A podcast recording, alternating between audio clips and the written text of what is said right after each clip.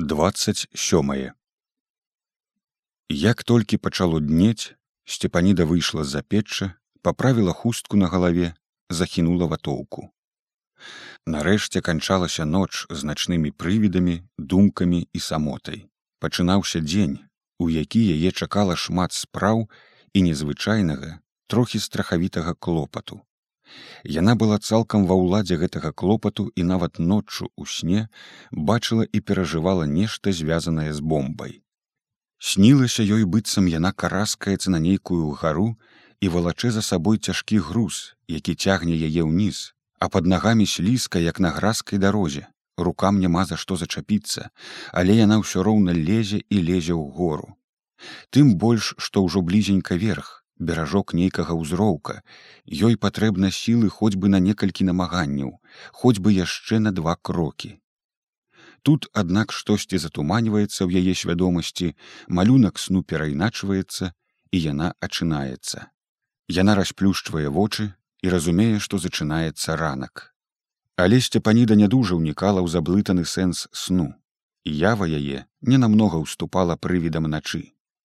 Клопат падганяў яе яна выйшла ў сенцы узяла з куфра старую трохі прадраную на рагу кашолку у істопцы насыпала ў кішэню са дзве жмені зярнят значовак якія так і не дамалоў пятрок.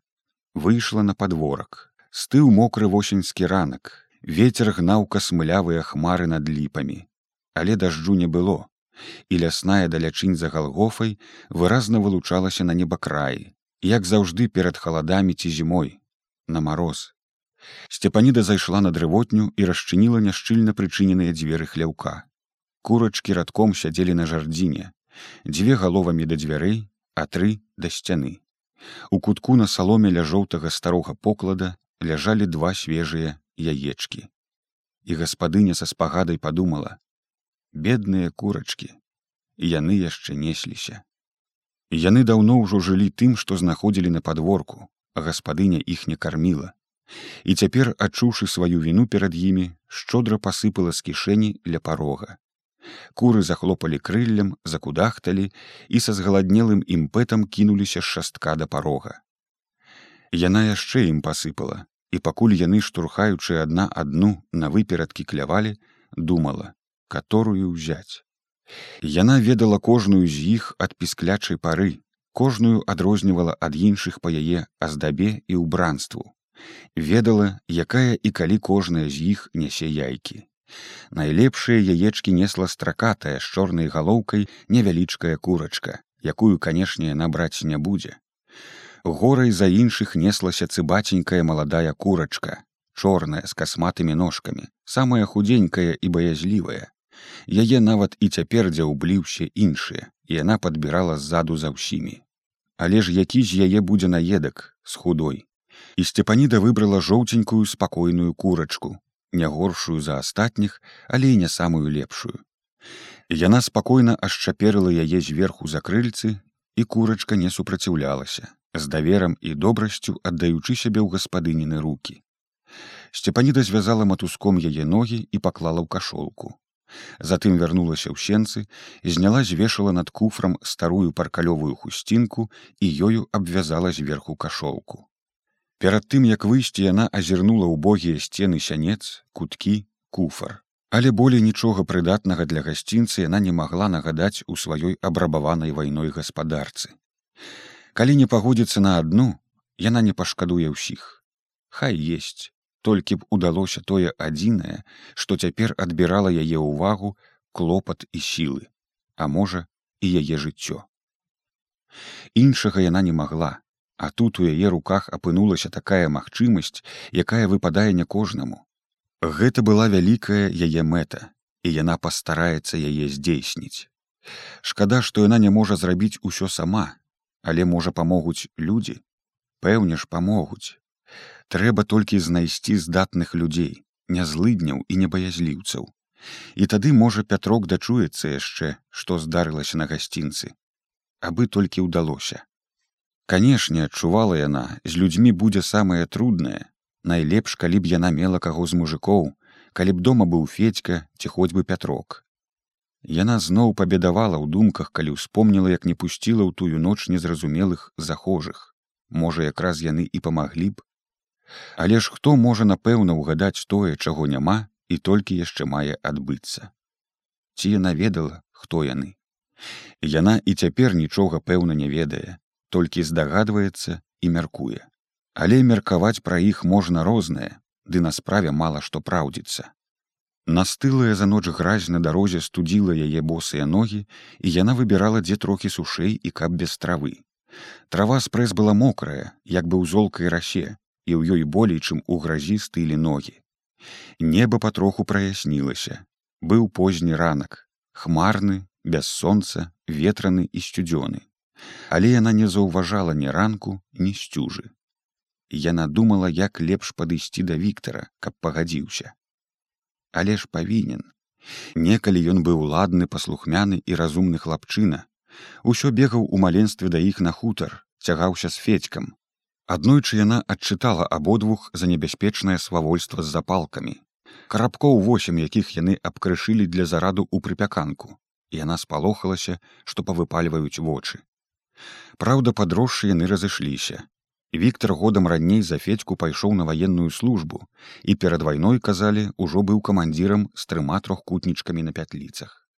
Мусіць ён сумее абысціся з той бомбай. Карніла ж казаў, што няспраўнасць там невялікая, спецыяліст справіць. Сцепаніда перабегла пусты зранку гасцінец, пайшла краёчкам такой жа гразкай дарогі на высілкі. Крайнія высялкоўскія хаты былі ўжо блізка, Яна бачыла, як у канцавым заплотам двары амялянавы мальцы запрагалі ў калёсы каня, і ветер данёс да яе мацерны мужчынскі вокрык. На пагорку дарога стала трохі сушэйшая, але ў яміне пляскалася на ветры шырокая лужына жоўтай вады, якую яна абышла стараной. А як выйшла зноў на сярэдзіну дарогі і зірнула наперад, на момант знерухомела. З высялкоўскай вуліцы ішлі па дарозе трое мужчын, двух з іх яна пазнала адразу. То былі паліцаі гуш і каландзёнак. А трэці? Трэці ішоў паміж імі угнуўшы галаву і заклаўшы за спіну руки першага позірку на яго было даволі каб зразумець што гэта арыштаваны.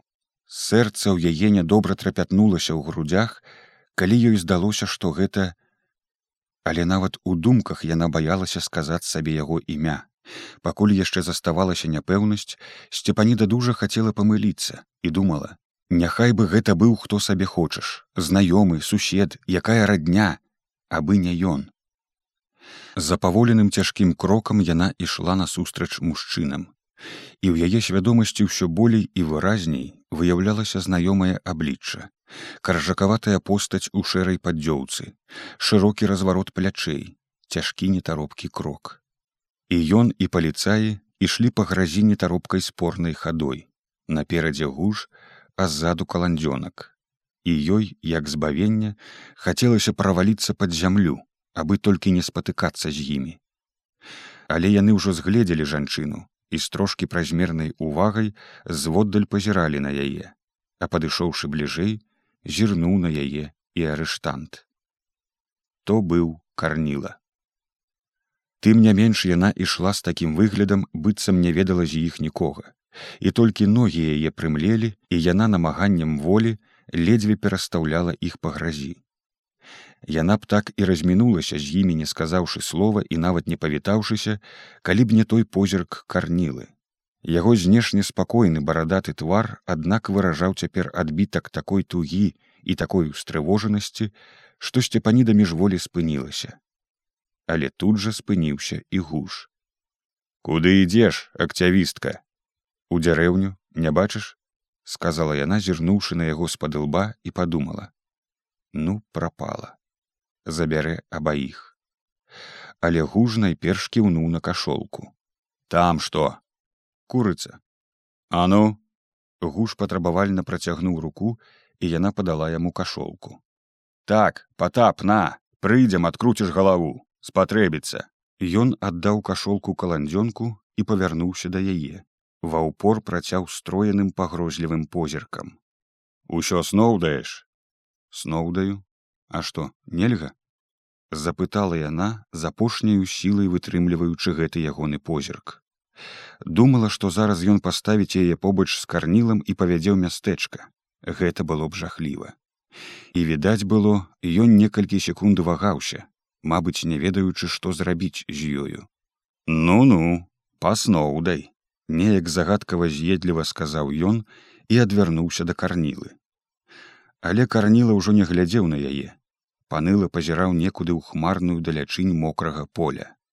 Шагам марш! Яны пайшлі далей да гасцінца а яна няпэўным аслабелым крокам пабрыла да высілак. Тое што забралі карнілу балюча ударыла па яе адчуваннях таксама як і па яе планах. І яна адчула што мабыць неўзабаве ўсё непапраўна рухне. Але яна не магла лёгка з тым прымірыцца. Яна гатова была змагацца тым больш што ў яе была воля нейкая свабода дзеяння. Руки яе яшчэ не былі звязаны. Але чаму не забралі яе? Можа пакінулі на пакуль што? А можа пра бомбу ім невядома а можа яны шукалі бомбу і ўзялі карнілу а дзе бомба ён ім не сказаў і не скажа. А раптам скажа. Пачнуць катаваць выцягваць з цела жылы хіба ўтрываеш? Дык няўжо скажа? Што ж ёй рабіць? Не адразу яна зразумела што ісці да александрыны не мае сэнсу што наогул ісці ў высілкі ёй няма па што што ёй трэба самой ратавацца толькі дзе і як амаль дайшоўшы да першых высялкоўскіх хат яна нясмела азірнулася. Паліцаі з карнілам ужо набліжаліся да хвойнічку на гасцінцы. Тады яна спынілася памарудзіла трохі і хутка пабегла тою ж дарожкай назад да хутара. Цяпер ёй трэба было дамоў да сваіх сцен. Быццам там быў нейкі ратунак нейкае заспакаенне паліцаі з карнілам ужо схаваліся за павароткай у хвойнічку яна перабегла гасцінец задыханая хуткім крокам і подбегам дасягла падворка. І мінаючы хату з істопкай праз дрывотню і захлеўе выйшла на ўзровак. Аднекуль да яе выскачыў ручка радасна заскуголіў галодны. Але цяпер ёй было не да ручкі трэба было некуды перахаваць бомбу яшчэ на гародзе яна занепакоілася як убачыла што след ад колаў дужа прарэзаў барозны і лехі і выразнай крывулінай вёў да расцяробу на ўзроўку але яна ледзь не змярцвела ад спалоху як зазірнула ў яму з-пад нагрувашчанай кучы хворасту збоку вытыркаўся жоўты жалезны хвост бомбы. Гэта ж трэба было так бязглузда схаваць яе. Першаму, хто тут апынецца, стане відаць, што пад галлём. Але ведама ж, рабілі ўсё ў поцемку, спяшаючыся. Ноччу хіба здатна, што зробіш. Ноч болей для таго, каб красці, а хаваць, пэўна, трэба ў дзень. Сцепаніда хуценька пабегла да хаты, на дрывотні ўзяла старую рыдлёўку. Мусіць найлепш цяпер будзе закапаць бомбу ў зямлю. Толькі дзе? На гародзе? У захлеўі? На ўзроўку? Але напэўна на ўзроўку кустоўі. Там мяккая без травы зямля і можна будзе закідаць усё смеццем апалым лістоўем наўрад ці там будуць шукаць хай там і ляжыць там ужо сапраўды апроч яе ніхто болей не ведае. Там будзе схоўна.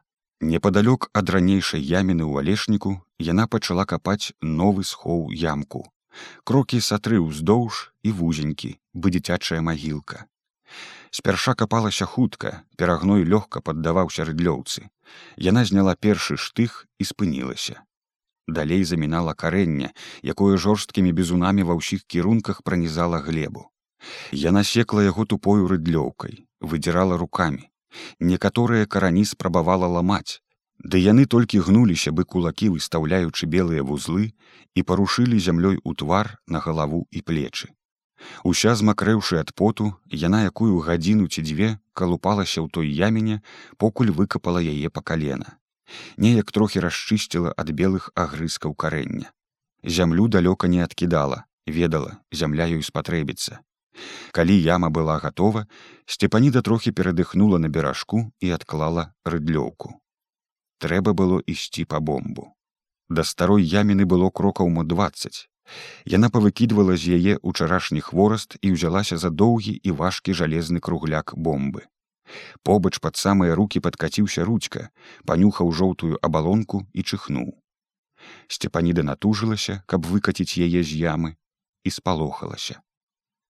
Бомба толькі скранулася трохі і зараз жа скацілася на ранейшае месца. Гэта ж быў жах.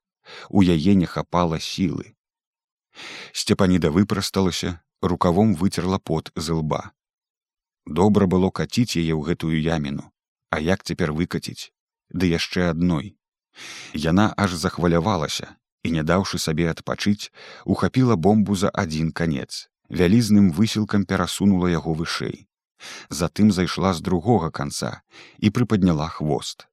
Але не паспела яна перакласці яго вышэй, як той першы канец сунуўся на ўлежанае месца ў дне яміны. Сцепаніда ледзьве не заплакала ад прыкрасці. Што ж ёй рабіць? Трохі паразважаўшы і супакоіўшы сябе, яна выйшла з яміны і пашукала на ўзроўку камяні. Камянёў было шмат, але ўсе дробныя. Сцепаніда адышлася далей, пакуль знайшла два болей прыдатныя і прынесла іх да яміны. Цяпер неяк трэба было, па чарзе падкладваючы камяні пад нос і пад хвост, выкаціць бомбу.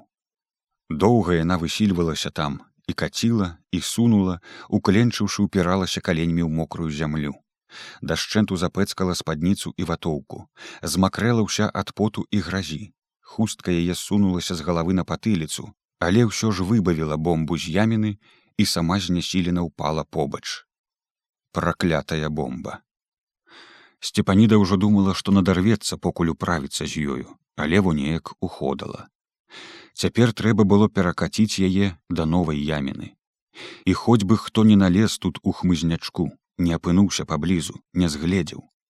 Праз рэдкі алешнічак тут яе можна было заўважыць з дарогі ад подворка хоць бы паспець покуль нікога няма. На роўным бомба лёгка перакацілася па воглай траве жоўтымі запэцканымі зямлёй бакамі але далей у алешнічку каціць было неяк і сцепаніда ўхапіла яе за круглую жалязяку хваста. Так трохі прыпадняўшы цягнуць было можна але трэба было ўвесь час высільвацца і трымаць прыпадняты хвост а сілы ў сцепаніды было ўжо мала. Яна правалакла бомбу крокаў мо пяць і выпусціла з рук сама таксама ўпала задам у траву хвілін колькі задышліва хліпала ротам трохі аднак аддыхалася і зноў ухапіла пальцамі за мокры хвост на гэты раз яна працягнула і яшчэ меней калі зноў упала у наступныя разы ўжо толькі тузала і рыўкамі па адным кроку не болей сунула яе да ўзроўка. Паясніца яе пераломвалася ад болю. Мокрыя руки, пальцы і калені былі ўсе паабдзіраны аб патарчакі. І яна спяшалася. Кожны раз яна азіралася наўкола праз хмызнячок, усё паглядвала ў бок сядзібы, баялася, не дай бог, хто прыйдзе, убачыць. Тады яна прапала, прапала бомба. І гэта пасля такіх высілкаў. Калі яна ўрэшце прывалакла бомбу да яміны, сілы яе падобна было зусім скончыліся. Яна ўжо не магла перакаціць яе цераз накапаны горбік зямлі і ўпала на яе грудзьмі. ляжала так мусіць доўга. Увесь час яна казала сабе: « Ну годзе, уставай і абяцала: устану, зараз устану і не ўставала, бо не магла. Уваччу яе спярша ўсё зацямнелася нібы ўначы Затым дужа паволі праяснівалася і сэрца вырывалася з грудзей ад знямогі. Мабыць, яна ляжала так доўга, ашчаперыўшы ушчэнт перапэцканае цела бомбы і сама ад ног да галавы выкачаная ў гразь. Калі трохі паслабаднела дыханне, ужо не ўстаючы, уперлася ступнямі ззаду ў вузлаватыя карані алешын, выселілася апошні раз і пасунула спярша хвост, а затым і галаву бомбы. Зрушваючы з сабой свежую зямлю, бомба ўрэшце цяжка гупнулася аб дно, увалілася ў яміну. Сцепаніда яшчэ паляжала на гразкай зямлі, пасля ўстала і ўзяла рыдлёўку. Закопваць было лягчэй, і яна старанна закідала яму зямлёй, патапталася зверху. Рэшту зямлі з краёў выбрала рыдлёўкай і рассыпала неўпрыкметна ўкола. Затым прыбрала ўсё з камлёў, з куставін, абмяла абтрэсла і абабрала пальцамі каб і знаку не было ад таго што тут нехта капаў крыху воддаль сабрала ў валешнічку ахапак чорнага лісця прытрусіла тую мясціну. Пасля адышлася далей па ўзроўку, назбірала яшчэ рудага, чорнага, вільготна сапрэлага лісця, накідала на яміну, каб і зблізку не відаць было свежай зямлі. У дадатак схадзіла да старога схову, прывалакла трохі хворасту, раскідаласям там, быццам тут ніхто і не ступаў ніколі. Абапіраючыся на рыдлёўку, яна ледзьве прывалаклася на свой падворак, дзе яе запытальна ўважлівым позіркам сустрэў згаладнелы ручка. Але цяпер яна не магла нават сказаць яму добрае слово. Толькі калі той паспрабаваў следам за ёй ускочыць у сені, яна спыніла яго. Усё ж сабака павінен быць на падворку. І яна зашчапіла сенцы, прывалаклася да палка ў запеччы і лягла, як была ў хустцы і ватоўцы. Распранацца ў яе ўжо не засталося сілы. Яна ляжала так у выстуджанай хаце, атупелая ад знямогі, прыслухоўваючыся да няпэўных далёкіх і блізкіх гукаў знадворку, і думала, што можа так здарыцца, што возьмуць яе. Тады, канешне, усе яе намаганні будуць дашчэнту спляжаны. Але ж можа ёй яшчэ і пашчасціць. Галоўнае было зроблена, засталося менш. Хоць таксама яшчэ нялёгкае, Але каб хоць некалькі дзён волі, каб ёй пабачыцца з віктарам, схадзіць у мястэчка, з чым тым параіцца. Калі якая бяда дык горнішся да людзей, бо хто ж яшчэ паможа табе, як не людзі. Людзі загубяць, але ж і памогуць людзі. Нават і ў такі страшны кляты час, як вайна. Паляжаўшы нямала часу, яна аднак трохі спачыла.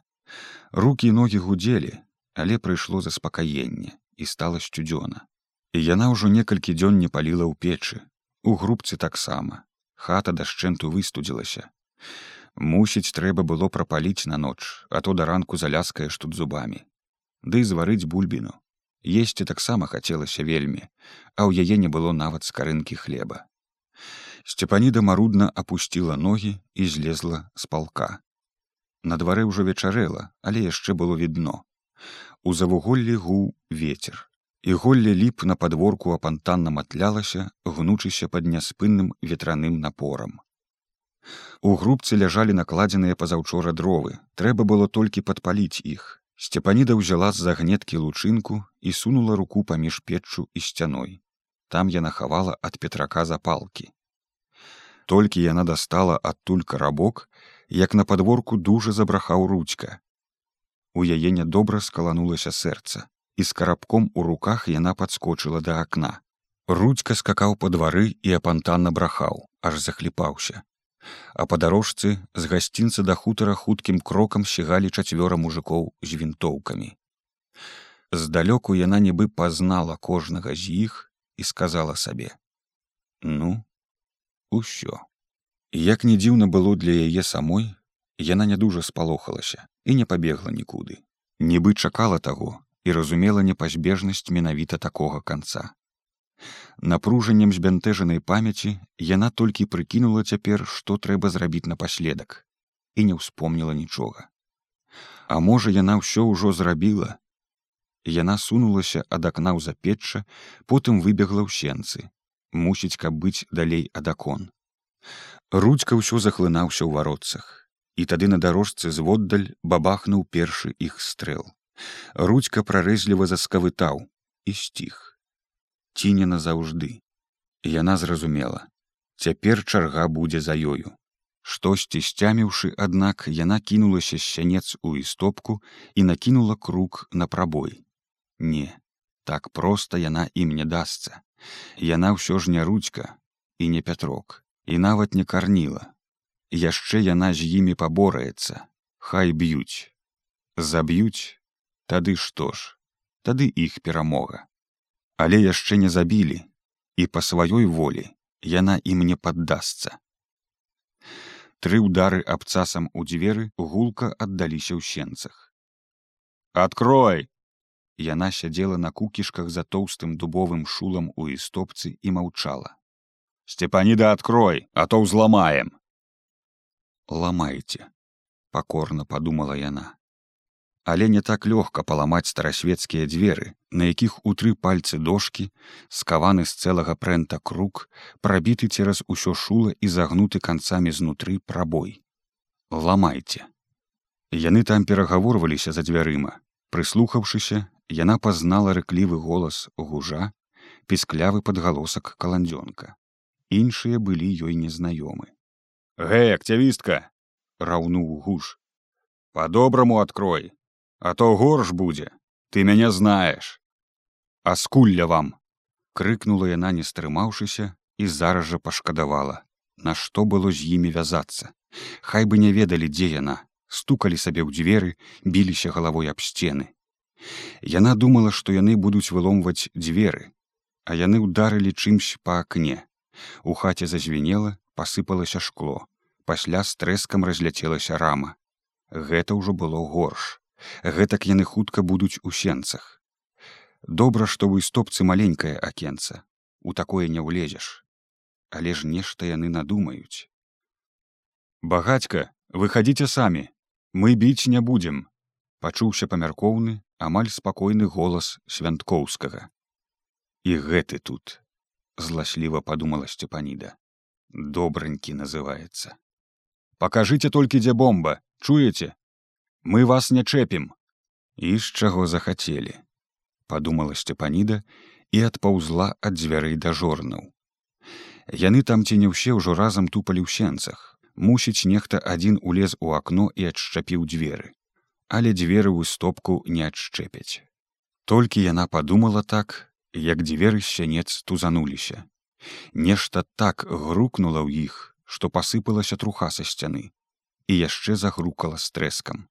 Мусіць яны білі ў дзверы сякерай. Канешне гэта было ўжо горш. Гэта мяняла справу ўсё звужаючы тое хліпкае кола бяспекі у якім яна апынулася і дзе ўсё меней заставалася месца для якой-небудзь надзеі. Але яна ні на што не спадзявалася. Яна выразна ўсведамляла свой лёс толькі да апошняй магчымасці адцягвала свой самы апошні момант так як хацела яна на вялікі жаль не выходзіла яе планы рушыліся. Але ёй дужа патрэбна было, каб і па-іхняму таксама не выйшла. Напэўна, яны маглі б застрэліць яе за дзвярыма, схавацца ад кулі тут не было дзе, але яны не стралялі. Мусіць, яна патрэбна была ім жывая, каб сказаць, дзе бомба ці што. Значыць, ад карнілы галоўнага яны не дазналіся, але і ад яе не дазнаюцца таксама. Яны ўжо ці не ўсе чацвёра адразу ламеліся ў дзверы, якія хадуном хадзілі ў пройме, толькі моцныя каваныя крукі і завесы не давалі ім разваліцца ў шулах. Але ж разаб'юць усё роўна. Ранна ці позна сціпані даведала ўжо, што трэба зрабіць, толькі спалохалася ад думкі, што можа спазніцца. На каленях яна сунулася пад жорны і ў поцемку дрыготкімі рукамі выкаціла адтуль цяжкую суляю з газай. Яны ўсё білі, дзверы трэсліся і трашчалі. А яна выцягнула драўляную затычку і з шырокага рыльца пасудзіны пляснула на дзверы. Затым паабапал дзвярэй, абліла другую сцяну на падворак. Яна і сама аблілася: руки, ногі, спадніцу. Засмярдзела газай, але цяпер усё тое не мела значэння. Кінуўшы надол ужо лёгкую пасудзіну, з маленькай кішэні ватоўкі дастала запалкі, якімі так і не паспела распаліць грубку, і стоячы на каленях чыркнула запалкай па карабку. Але з першай запалка яе напаткала няўдача, дзверы не загарэліся, запалка атухла. Тады яна сцягнула з галавы хустку і выліла на яе з суляі рэштку газы, запаліла другую запалку. Хустка пыхнула барвовым полымем, і яна, абпякаючы руки, кінула яе на парог. Сцепаніда ўпала нічком на старасвецкі земляны дол, утаптаны за вякі нагамі паноў, шляхты парабкаў, нагамі петрака, яе мужа і яе дзяцей. І задыхаючыся ад дымнага смороду глядзела на агонь. Полымя ад хусткі гулліва шыбанула на дзверы, узвялося пад столь і коса папаўзло па бёрнах сцяны. Загарэліся нейкія транты на цвіку ў куце, кучаравыя агняна-чырвоныя космы полымя закруціліся заверашчэлі ў шызым і чорным дыме усё імкнучыся вышэй у падстолле да смаляных бэлек і стопкі. І яна ўжо задыхалася ад дыму і шчыльней прыціснулася да прахладнай земляной падлогі. У сенцах чуваць было раздаліся галасы нехта штось крыкнуў загадна трывожнае але яна не зразумела што. Толькі адзначыла ў думках што дзверы ламаць перасталі. Замест таго праз хвіліну ў сенцах гулка бабахнуў стрэл і нешта ўдарыла ззаду ў кубёлак. Куля. Але цяпер хай страляюць. Цяпер гэта ўжо не палохала яе. І яшчэ бабахнула ў другім баку на подворку другая куля ўдарыла недзе пад жорны якія ўжо займаліся скутака смылявым свіркоткім полымем.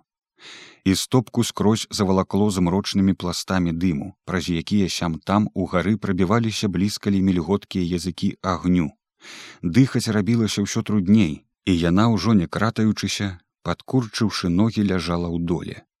Яна адчувала што зараз згарыць што мабыць рухне пад столле ці раней задыхнецца ад дыму калі да таго не застрэляць знадворку але цяпер ёй было ўсё роўна і яна сваё ўсё зрабіла якіх-небудзь надзей на паратунак у яе не засталося. Яны там на падворку нешта гаманілі і крычалі, яшчэ некалькі разоў стрэлілі цераз сцяну. Але ёй у істопцы нічога не было чуваць. Агонь усё болей убіраўся ў сілу, па кутах і па сценах трашчала, скверчэла, гуло. Палалі ўжо столь, сцены, дзежкі ў куце, кросны, засекі, дробнае гаспадарскае начынне, усё драўлянае, шматгадовае і сухое. На яе густа патыхала жарам і сыпаўся прысак, дужа пякло ў галаву і ногі. Здаецца, ужо загараліся валасы на патыліцы.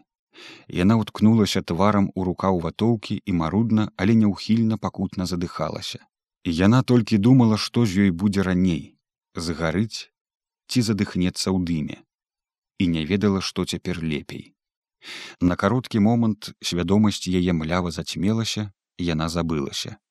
Пасля ачнулася і адчула што на спіне смыліць вата гарыць ватоўка.